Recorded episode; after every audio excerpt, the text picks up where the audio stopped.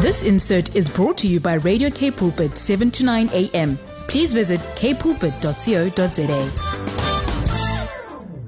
Ek hoop jy is uh, so ver geïnspireerd en geseënd. We've got Kurt Oliver from the Sons of Issachar and many other organizations and movements that he finds himself in. Um, but he also looks at other things outside of the communities where he impacts and he looks at the world and what's happening. And he gives us that focus by putting on those glasses, the Holy Spirit glasses, to look at the the world or the situation worldwide uh, to look at that from a Christian perspective, or should I say, a kingdom perspective. And our theme, you so rightfully uh, said, is Shiloh morning. Good Yeah. morning to you, sir, on this Shiloh morning. Good morning, Dimitri. Good morning to all of our wonderful listeners. Brother, what's happening in the world and how should we look at it? Yeah, Dimitri, you know, uh, uh, this week, um, you know, as as I was, you know, going through the news and social media and stuff, and I actually, you know, something caught my eye this weekend. Um, actually, in the news where you, Ukrainians was asking the question, "What will the next generation inherit?" And some of them answered, "The next generation will inherit a bunch of rubble."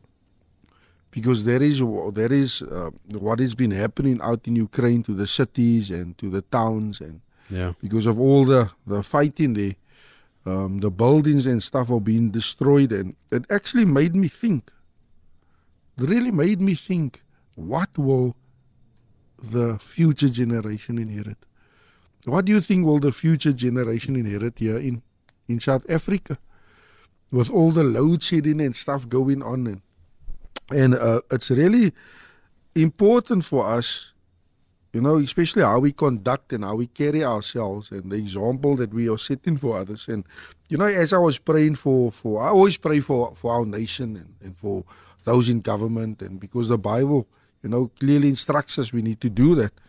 And as i was praying praying the lord actually said to me that cape town will become like a town of shiloh. I was like a town of shiloh with all this stuff going on and Now, Uh, now, now, you need to first, if I may interject, tell us what is the meaning of Shiloh for those who don't know. i'm getting there i'm Alright, getting there i'm. Ek getting there ek is wel hastig. yeah, yeah, but but I don't know if you remember, uh, um, um, Dimitri.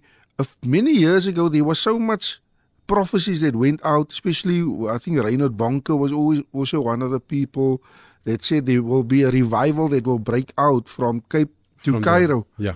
And here the Lord says that Cape Town shall become like a town of Shiloh. Now the meaning of Shiloh is it means peace. And in um, uh, if you look at the messianic title, uh, it actually says he whose it is. It also speaks about tranquility, or or long story short, a, a town or tra- a tranquility town. Now, what is tranquility? It's a state of peace that you find when you look at uh, the shore or a quiet lake or when you watch the ocean. Have you even uh, experienced something like that, Dimitri? Yeah.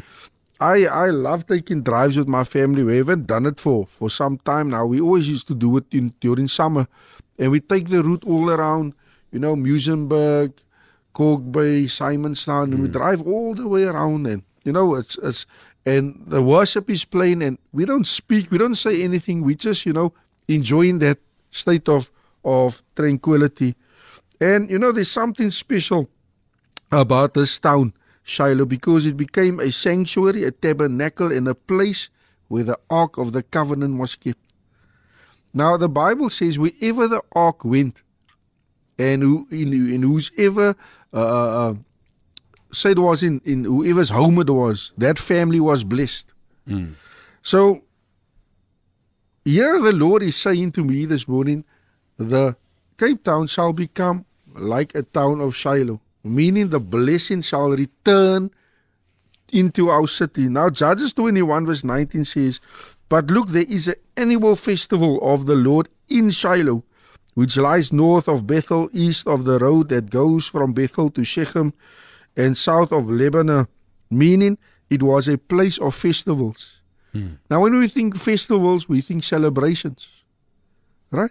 So the celebrations will return to Cape Town. Joshua 22 verse 12 says, The whole assembly of Israel gathered at Shiloh to go to war against them. It was a place they gathered before going to war. Cape Town shall be a place of strategy and planning. 1 Samuel 3 verse 19 verse 21 says, I can see you getting excited now, Dimitri. the Lord was with Samuel as he grew, and he let none of Samuel's words fall to the ground. And all Israel from Dan to Beersheba recognized that Samuel was attested as a prophet of the Lord. The Lord continued to appear at Shiloh, and there he revealed himself to Samuel through his word, meaning Cape Town shall become a place of visitation. Hmm. Now it is a place where the Lord appeared and revealed himself through his word, so it is a place of encounter. Dimitri, Cape Town shall be a place of encounter. Come it on. shall be a place where the ordinary becomes extraordinary. It will be a place of breakthrough. It's a place of refreshing where you get filled. It's a place of soaking in. Now, I can't, I don't even remember, Dimitri, last year I spoke about it where we had the, the month of Shiloh, where every Thursday morning, early hours of the morning, we would get together out at uh, in Strandfontein and we would pray. And the testimonies that has come from there, Dimitri, I'm talking about people was blessed, people was healed, people received jobs. There was so much testimonies that that that poured in during that month. And after that month, Dimitri, we encountered God in such a way. I remember even with myself, God took me to a deep place. He, he, he um, you know, you know, he revealed new deep revelations. But what I want to say is, and I want to challenge ministries here this morning. I want to say, listen, get your congregation together and pray early hours of the morning because when when we get together, the Bible says when there's unity and agreement, it commands a blessing. Mm. But when you get together, in that time of the morning, there's no traffic.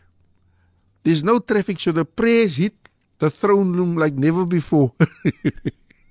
like never before. But what I want to say is obedience is better than sacrifice. So giving up a few hours of sleep, getting together and, and praying, how powerful and effective will that mean? Will that be? As we, we heard, it was a place of festivals. Shiloh was a place of gathering before going to, to, to war, and it was a place of encounter and breakthrough. So I'm actually giving I'm actually giving some sound advice now to leaders here this morning. And I want to, like I said, I want to challenge the leaders this morning. Get your congregation together and start praying together early hours of the morning. But I also want to say it was a place where tribes gathered together. And I just hear in the spirit that the Lord saying there's a gathering about to take place. A gathering that is about to take place. Families that was that was split apart is about to be restored again together. A family is like a tribe. And I just hear the Lord saying that there's a gathering about to take place in Jesus' name. So that is what the Lord laid upon my heart uh, this week, Dimitri. and it uh, just goes hand in hand with what uh, was said in the news, the nine o'clock news, uh, with the Western Cape Tourism Trade and Investment uh, Promotion Agency, Wesgro, that said that. Um, uh, the province remains a key destination for foreign direct investment. So I think that such a manifestation is already starting to, wow. to hit all sectors, and that is in the news this morning. Wow. So let's have a worldview as to what uh, Kurt just, uh, uh, I would say, prophesied to us this morning, uh, so to speak. So, Kurt, thank you. Thank you so much um, for sharing with us. We appreciate you, brother. Until next week, God willing. This insert was brought to you by Radio K Pulpit, 7 to 9 a.m. Please visit kpulpit.co.za.